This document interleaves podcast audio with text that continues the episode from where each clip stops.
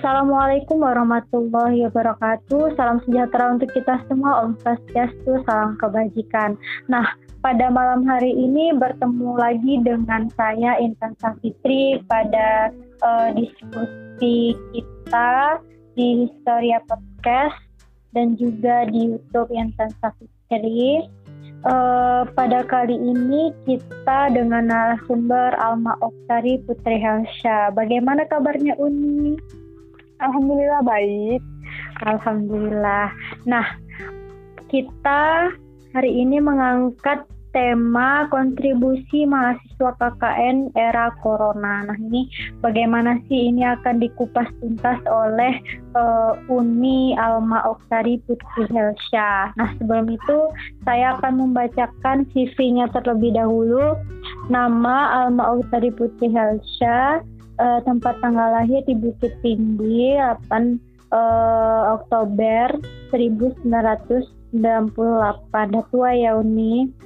Iya betul. Lalu kemudian uh, Uni ini uh, sedang kuliah di IAIN Bukit Tinggi jurusan Pendidikan Agama Islam. Lalu kemudian moto hidupnya uh, walaupun tidak berguna untuk orang, setidaknya jangan jadi beban kepada orang lain. Betul Uni? Betul. nah, langsung nih pada kemarin uh, podcastan yang kemarin kami itu membahas tentang uh, bentar nih lupa pengaruh COVID-19 dan kebijakan new normal terhadap masyarakat dan mahasiswa. Nah, menurut Uni nih, apa sih pengaruhnya kalau misalkan kebijakan new normal itu terhadap masyarakat? Jadi diterapkan new normal pada saat sekarang ini ya, hmm. itu tuh ada pengaruh negatif dan positif, ya kan? Hmm. Pengaruh negatifnya apa? Pengaruh negatifnya dengan diadakannya normal ini malah semakin memperburuk keadaan seperti bertambahnya penyebaran virus corona ini. Hmm. Tetapi jika tidak diadakan normal, itu juga akan berdampak buruk kepada ekonomi masyarakat. Masyarakat karena tidak semuanya masyarakat yang bisa bekerja dari rumah, ya kan? Hmm banyak masyarakat yang bekerja yang tidak bisa bekerja dari rumah dan harus harus maksudnya itu memang harus menjalankan kehidupan seperti biasanya. Hmm.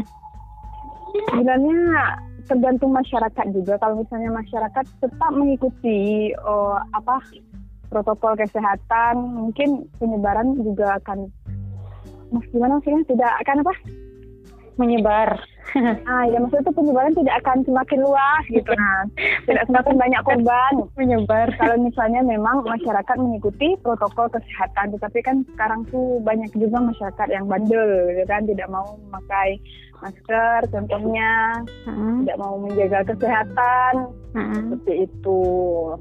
Ya jadi diadakannya normal ini tuh kan banyak pertimbangan juga dari pemerintah kan? Hmm sebenarnya kalau emang di hidup di tengah-tengah pandemi ini emang kesehatan nomor satu harus dijaga karena kita emang kayak hidup berdampingan dengan corona seperti itu. Siapa yang bisa bertahan itulah yang hidup ya kan. Nah ya, jadi itu gimana kita emang harus menjaga diri gitu. Soalnya emang sekarang ini tuh kan emang keadaan lagi seperti ini. Jadi emang gimana ya?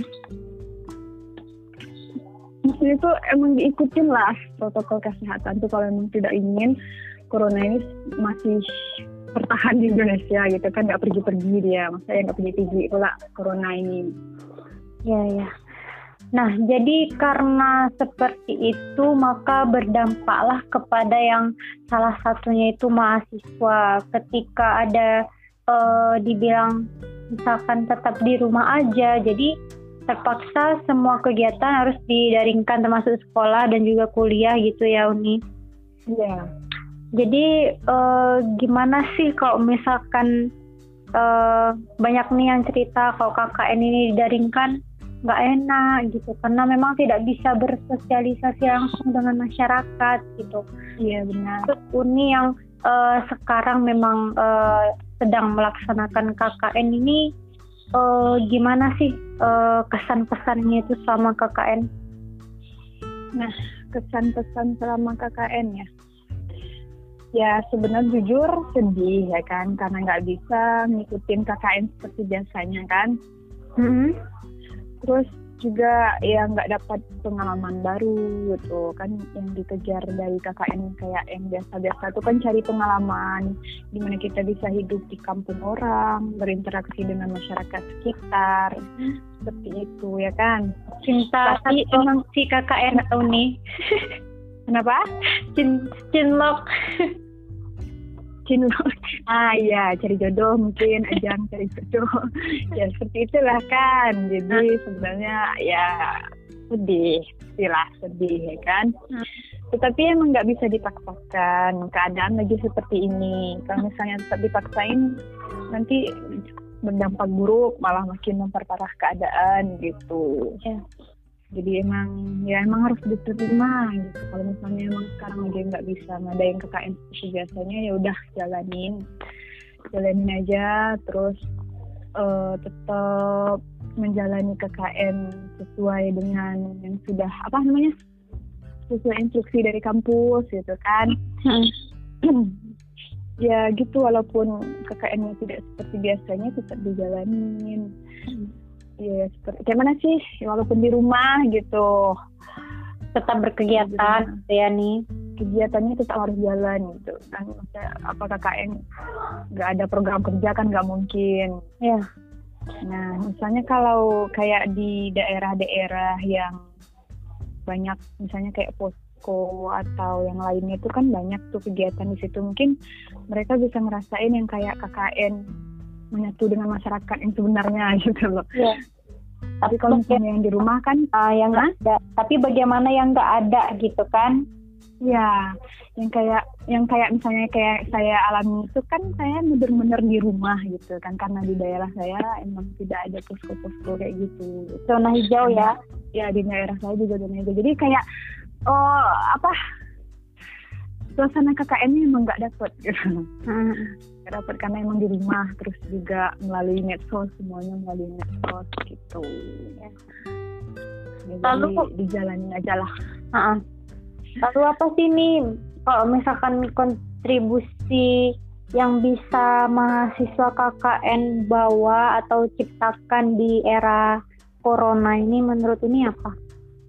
Nah, kalau kontribusinya contohnya misalnya saya di daerah saya kan zona hijau hmm. nggak ada posko nggak ada apa namanya tuh kayak pembagian BLT juga nggak ada ya kan hmm.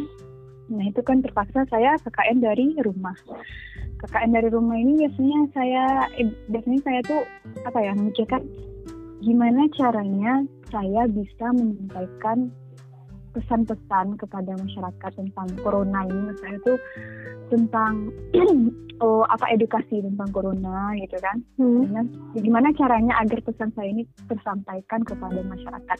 Nah di situlah gunanya media sosial. Ya kan sekarang kan zaman udah canggih ya digital ini kan zaman udah canggih. Ya. Nah harus pandai-pandai menggunakan media sosial.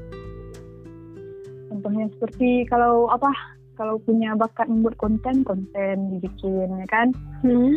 atau juga bisa membuat poster poster tentang covid seputar covid. Bagaimana cara menjaga diri gitu. Atau misalnya bagaimana cara menghindari agar tidak ter tersebar eh, apa? Terkena virus corona gitu. Nah, itu kan posternya kan banyak tuh contohnya. Nah, jadi kan itu nanti dibaca oleh masyarakat banyak kan orang banyak kan walaupun melalui medsos tetapi kan bisa dari mulut ke mulut gitu. Hmm. bisa disampaikan oh ini oh ini caranya. Terus dia bisa nyampein ke keluarganya atau ke teman-teman dekatnya itu jadi perbincangan gitu ya nih ya kenapa? Jadi perbincangan dari orang nah iya. Jadi ada manfaat kita gitu nah jadi kita bisa berguna juga untuk masyarakat gitu loh dengan cara membuat poster-poster seputar covid gitu poster artikel bisa juga hmm. atau misalnya kalau emang punya bakat menggambar bisa bikin komik percakapan seputar covid bisa juga gitu hmm. jadi intinya tuh kalau misalnya orang yang KKN di rumah aja itu lebih ke memanfaatkan media sosialnya dia punya iya yeah. Ya kalau misalnya di daerah mereka tuh zona kuning atau mungkin zona merah nah di situ kan ada posko banyak posko. Nah berapa? Berkontribusi ya apa membantu masyarakat untuk contohnya pengecekan suhu bagian ILT tuh tetapi tetap harus safety ya menjaga kesehatan tentunya. Ya dengan cara apa langsung ke lapangan itu kan harus benar-benar safety hmm. Lalu kalau misalkan memang dengan media sosial ya nih seperti yang Uni katakan tadi, eh, gimana sih upayanya biar bisa dilihat banyak orang gitu? Sedangkan uh, ada juga beberapa orang tuh dia temannya sedikit terus uh, apa namanya dia memang KKN-nya ada juga yang hanya sebagai uh, ya diposting aja atau gimana gitu. Oh, gitu. Jadi kalau misalnya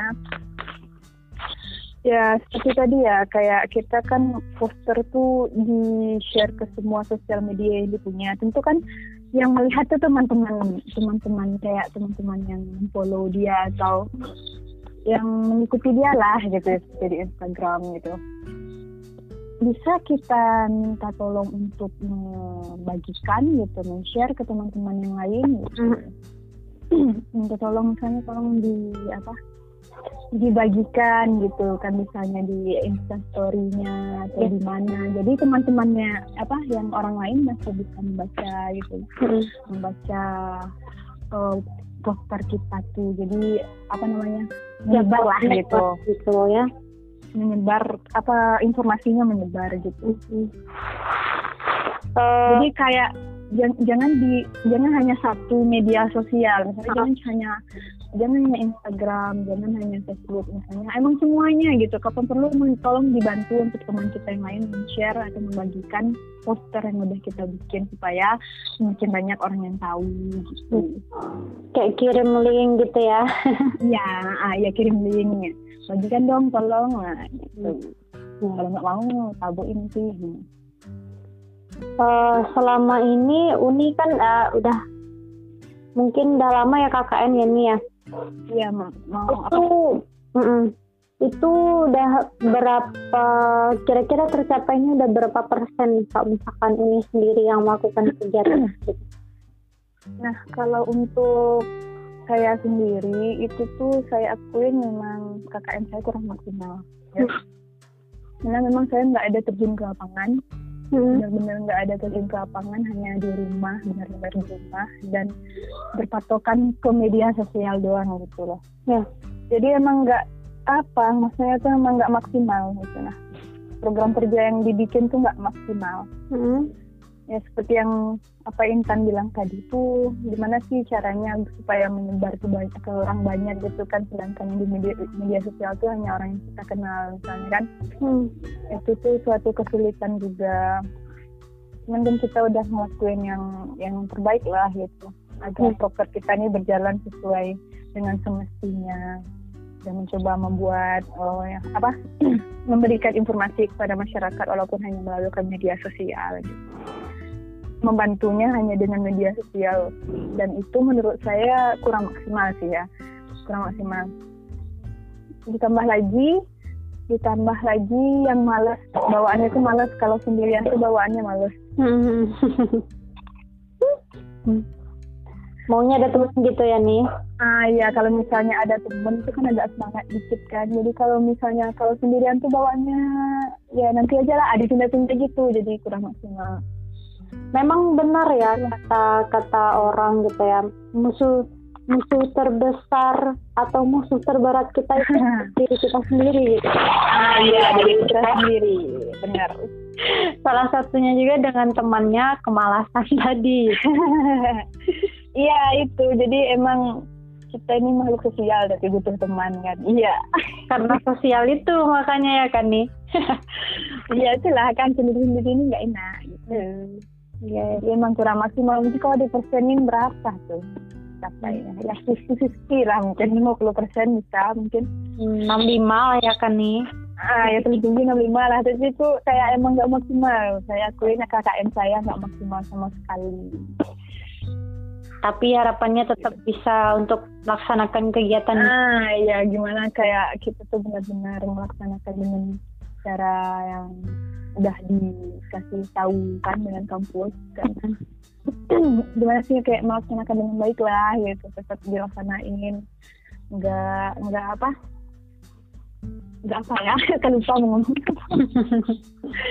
Ya pokoknya tetap dilaksanain walaupun nggak maksimal tetap dilaksanain gitu. tetap usaha lah ya kan nih. Namanya kan juga proker program kerja. Ya apa yang udah ditulis nah itu harus dilaksanain nggak boleh enggak gitu kan dan itu udah tugas kalau molor nanti ah yang berusaha nah itu usaha maksimal nggak maksimal nanti lah tuh dipikirin kan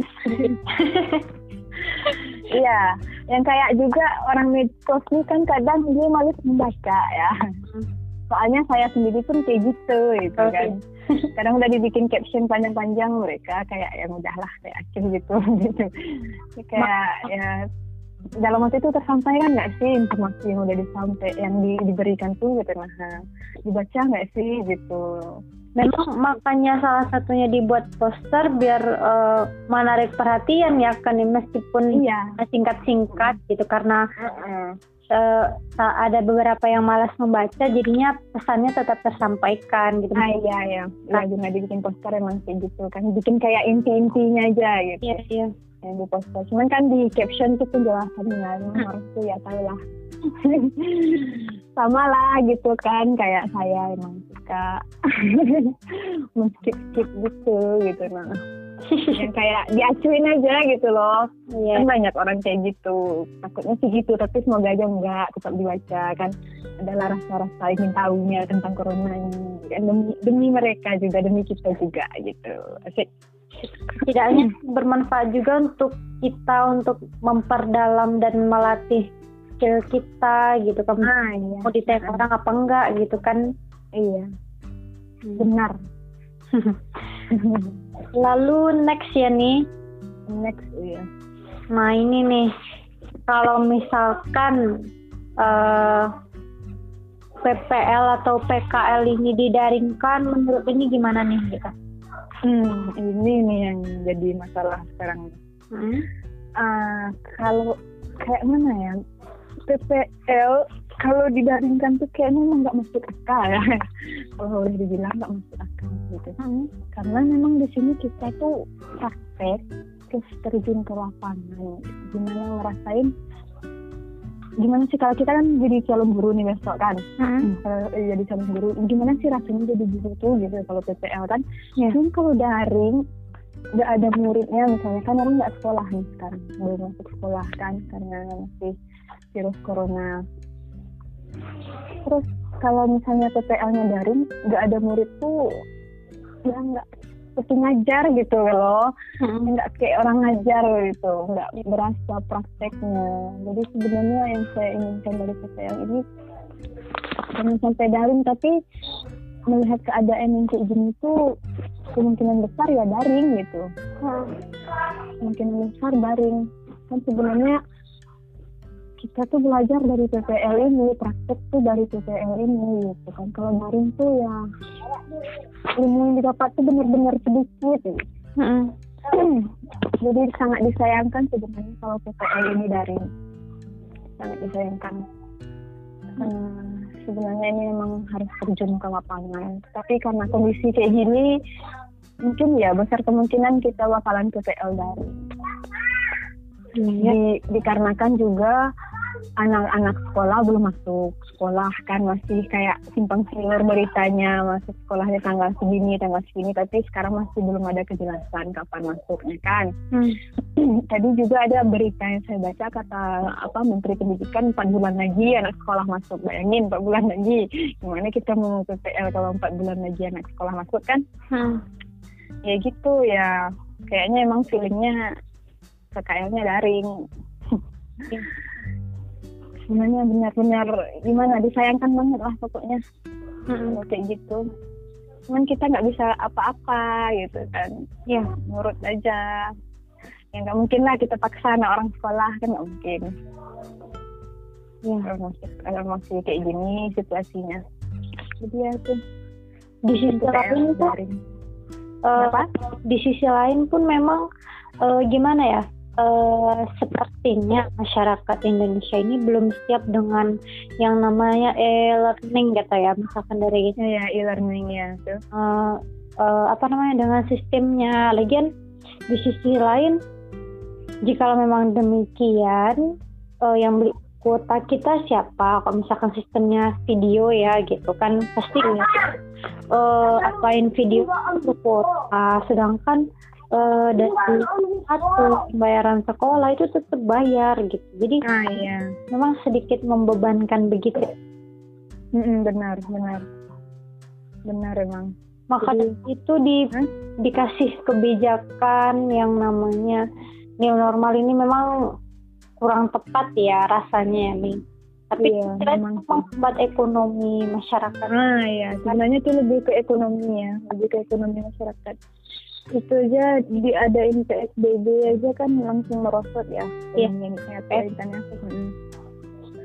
seperti ya. tadi nih di uh, apa namanya sempat uh, menonton tadi ya nih di mm-hmm. Brazil itu mereka masyarakatnya itu pada demo mm-hmm. pemerintahnya itu nggak nggak pernah ngadain yang namanya tuh lockdown gitu kan sama kayak oh, iya. Indonesia gitu ya di Brazil itu kalau nggak salah oh Brazil hmm. dan ujung-ujungnya presidennya juga kena corona positif corona gitu oh presiden Brazilnya iya dan yang hmm. lucunya eh, presiden inilah tetap ke sana kemari nggak ada uh, yang namanya uh, apa namanya itu perawatan gitu nggak ada kayak ibaratnya dia oh, gitu. ikut mensahkan misalkan dia mensahkan tempat nih tetap dia sedangkan itu kerumunan gitu kan Mm-hmm. Tapi memang di sisi lain mereka tetap ya pakai masker gitu. Tapi memang nggak ada lockdown, nggak ada uh, uh, PSBB, nggak ada. Ya kehidupannya seperti biasa. Cuman yang membedakan kayak mereka hanya pakai masker. Tapi ya itu hmm. tadi dampaknya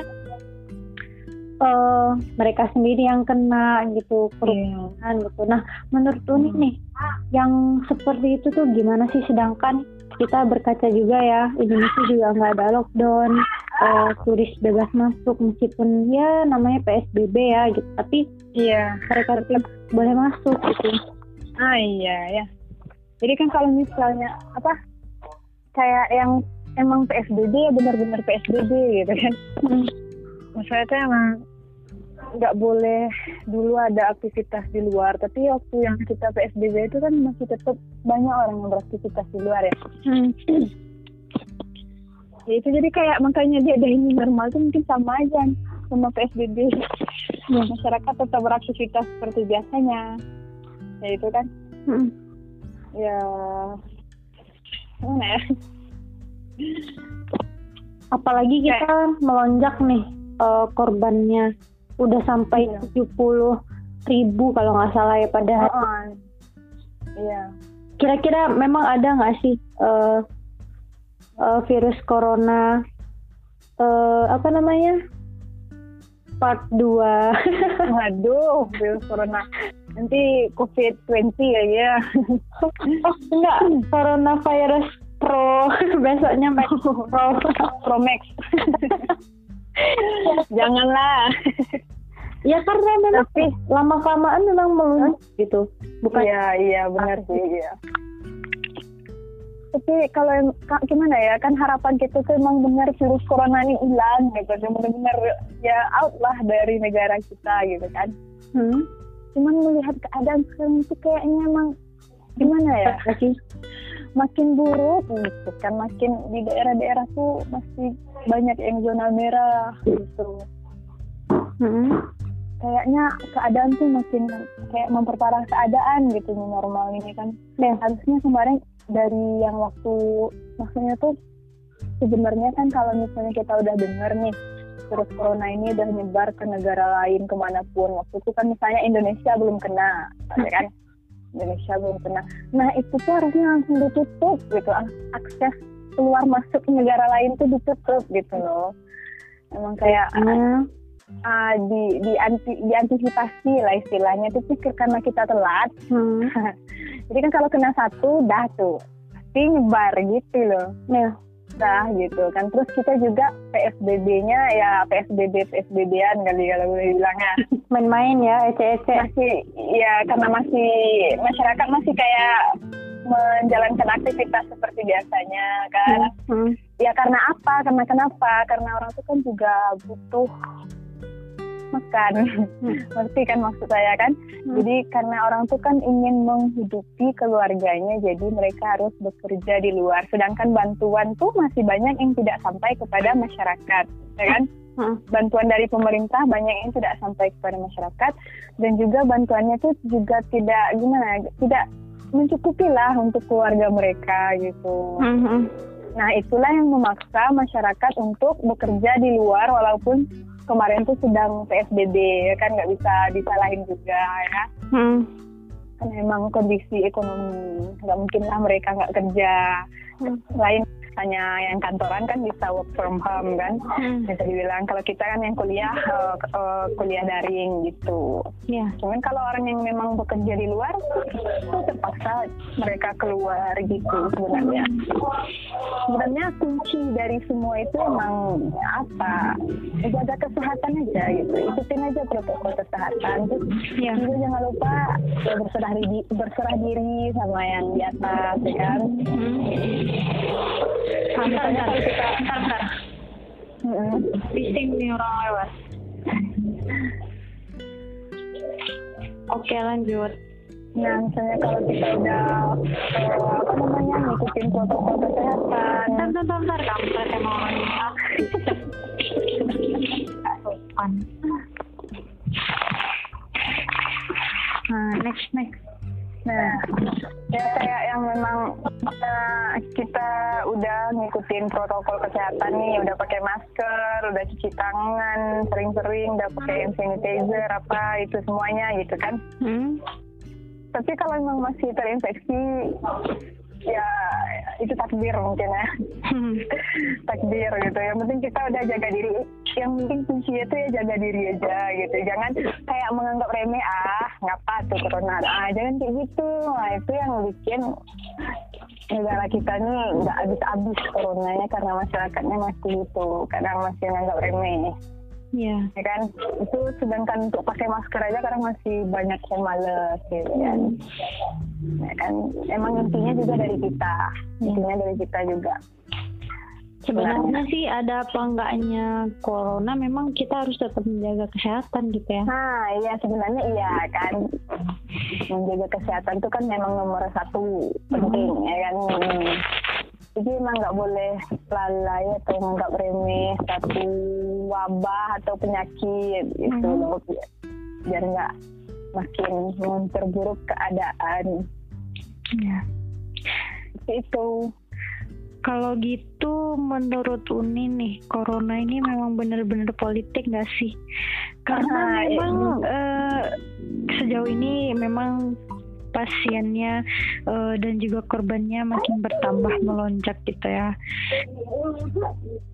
Tapi Aduh. ya seperti apa ya banyaknya bantuan eh dana-dana semua memang diarahkan ke covid lalu apa namanya korbannya pun ke mana nih korbannya nih kira-kira bahkan ada juga nih rumor-rumornya yang dia hanya demam itu pun difonis uh, COVID, ya. COVID terus ada juga yang dibayar itu kok.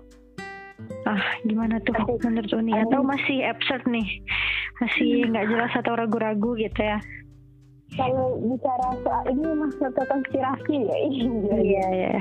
konspirasi covid ini kan banyak ya mm-hmm. banyak cuman nggak berani apa ya nggak berani speak up maksudnya tuh nggak berani ngomong kalau mm. masalah kebutuhan gitu mm. soalnya emang kita nggak tahu gitu kan mm. di balik di balik itu tuh kita nggak tahu sebenarnya apa yang terjadi kan kita nggak tahu gitu mm. loh jadi kalau misalnya kita berspekulasi sendiri takutnya salah ngomong gitu kan mm yang sejauh ini yang saya lihat sih ya gimana ya susah jelasin aduh ya kalau dibilang ada sangkut pautnya sama politik Iya, sempat proses politik ya? Iya. Gimana ya? Gak tahu, gak, gak, gak, gak ngerti sih yang kalau yang kayak gini. Hmm. Gak paham Belum, juga. Masih ragu ya. Ah iya, kalau untuk ngomong masalah konspirasi COVID ini masih nggak berani gitu. Hmm. Soalnya kan emang banyak banyak yang apa berita berita berita simpang siurnya kan banyak gitu kan Hmm. tentang COVID ini banyak. Jadi yang nggak tahu yang mana yang betul gitu, yang mana yang benar nggak tahu. Hmm. Seperti itu. Iya. Kalau Iya. menurut Intan sendiri gimana tuh? Kalau menurut Intan ya masih ragu-ragu juga sih ini. Ah, gitu. iya, Memang karena gitu kan. uh, buktinya memang uh, ke mana nih semua yang positifnya ke- ke mana bisa jadi itu uh, ODP kan PDP iya, gitu kan. iya, orang pantauannya. Uh, iya. terus Iya juga, uh, betul. Iya, jadi di, tapi dimasukkan rekap gitu kan. Terus Iya. di sisi lain memang kalau dilihat memang yang paling tertinggi itu kan Amerika Serikat ya. Iya, Di Amerika. sana memang eh, banyak sih gitu kayak tadi entah ini eh, hanya manipulasi atau bagaimana ya. Sedangkan eh, kayak diperlihatkan makam-makamnya gitu. Ya memang seolah kita dibuat yakin gitu. Gitu kan. Oh, benar, tapi di sisi lain memang eh, ada sedikit ragunya gitu karena benar. memang entah apa kita kan nggak tahu nih eh, permasalahan dari elit global nih apa gitu yang Iya, membuat eh, dampak ke masyarakat dampaknya ke kita gitu padahal kita nggak tahu apa apa nih kan eh kita Iya. juga yang kena gitu jadi masih Iya. 50-50 lah gitu di sisi Iya, lain sama. memang kayak yang rumornya penyakitnya dari Cina eh obatnya dari Cina juga gitu kan memang benar sih memang mereka yang meneliti jadi seolah mereka menciptakan dan juga mereka membuat obatnya gitu kan ibaratnya Iya. kayak kita nih eh, misalkan kalau misalkan di dari pers- perspektif orang jahat ya kita yang eh, misalkan aku tak eh, misalkan Intan tambal ban nih kan Iya. Terus Intan yang menciptakan kejadian nih, taruh paku-paku. Eh kita juga yang ujung-ujungnya nambalin kan gitu. Hmm. Jadi ujungnya kan memang eh, untungnya di kita gitu. Entah ini memang hanya politik atau em, apa sebagainya. Kalau memang wabah yang memang diciptakan oleh Allah, memang ya di Iya, sisi lain tahu ya. eh, kita bisa juga ambil hikmahnya gitu kan kumpul Ada sama keluarga gitu dan lain sebagainya ya intinya tetap positive thinking aja lah siapa pun yang berbuat nantinya kan tetap di apa ya dikasih ganjarannya lah sama Allah Ah, iya, nantinya benar. gitu ya gitu deh menurut saya nih Hmm, hampir sama tuh, sama Hmm. gitu.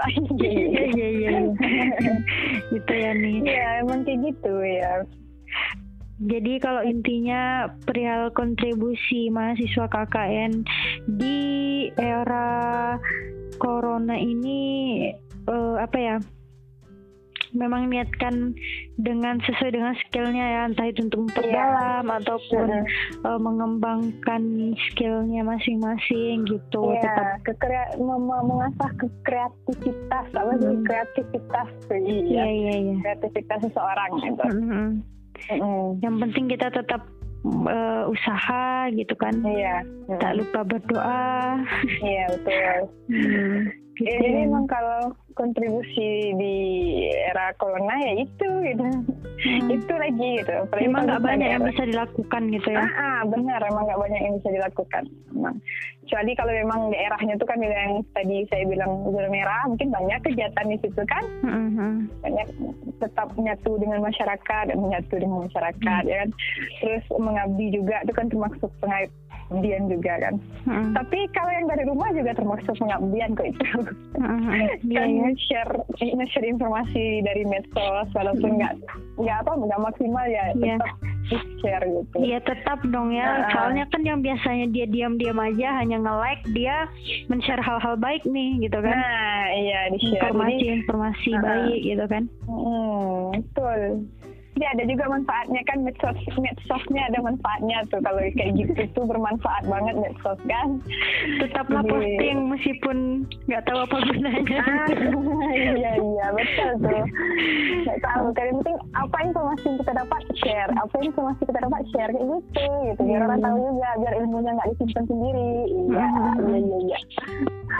ya, ya seperti itu ya. kontribusinya yang ke KNDR-nya emang nggak banyak cuma hmm. gitu doang Ya, uh, mungkin itu dulu ya nih untuk diskusi kita malam hari iya. ini. Terima kasih banyak untuk Uni Alma yang telah bersedia untuk menjadi narasumber kita pada historia COVID kita hari ini.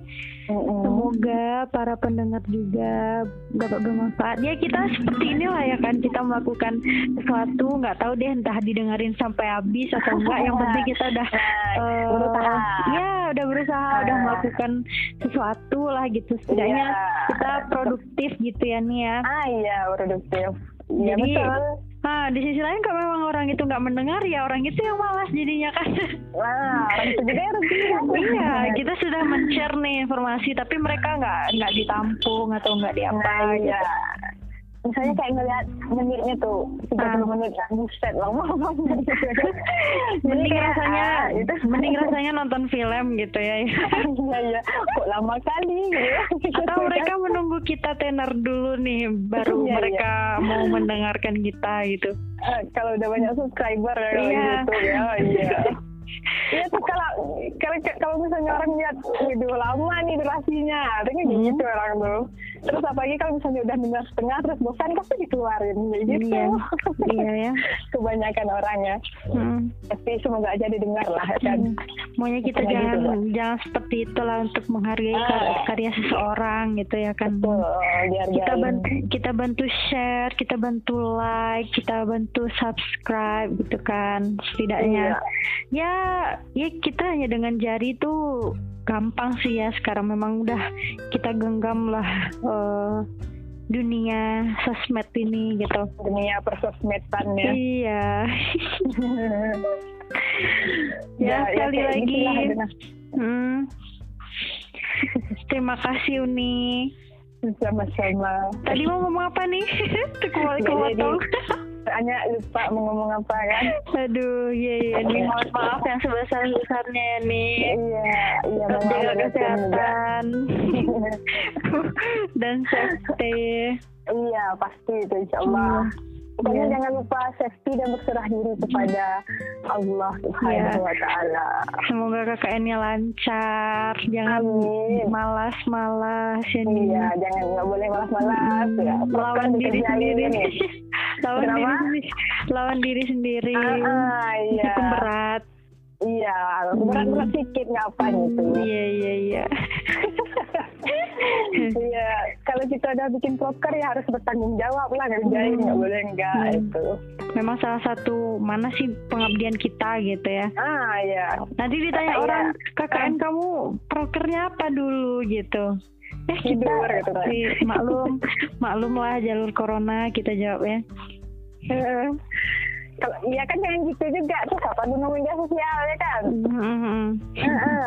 Kalau mending kalau misalnya nggak mungkin lah orang zaman sekarang nggak tahu media sosial kan pasti hmm. punya setidaknya Facebook punya lah gitu kan. Mungkin anak bayi iya. nggak punya ya kan? Ah, yang nggak ngerti. Jangan kan, jangan kan, gimana ya? Jangan orang gede, orang anak-anak kecil itu tuh udah punya Instagram, bayangin. Hmm. udah banyak pula followernya pada kita kan. Hmm, iya ya. Bahaya. jangan sampai kalah lah ya. Nah, ya itu apa punya media sosial apa apa namanya tuh nggak jadi ala, nggak ada alasan untuk tidak berkontribusi hmm. seperti itu. Iya nih. Itulah tadi pemaparan dari narasumber kita hari ini yaitu Alma Uktari Putri Helsha. Terima kasih banyak semoga dapat bermanfaat untuk kita semua. Amin amin ya robbal alamin. Nah, itulah tadi pemaparannya. Sampai jumpa di Historia Podcast selanjutnya. Salam sejahtera untuk kita semua. Om Swastiastu, salam kebajikan. Assalamualaikum warahmatullahi wabarakatuh.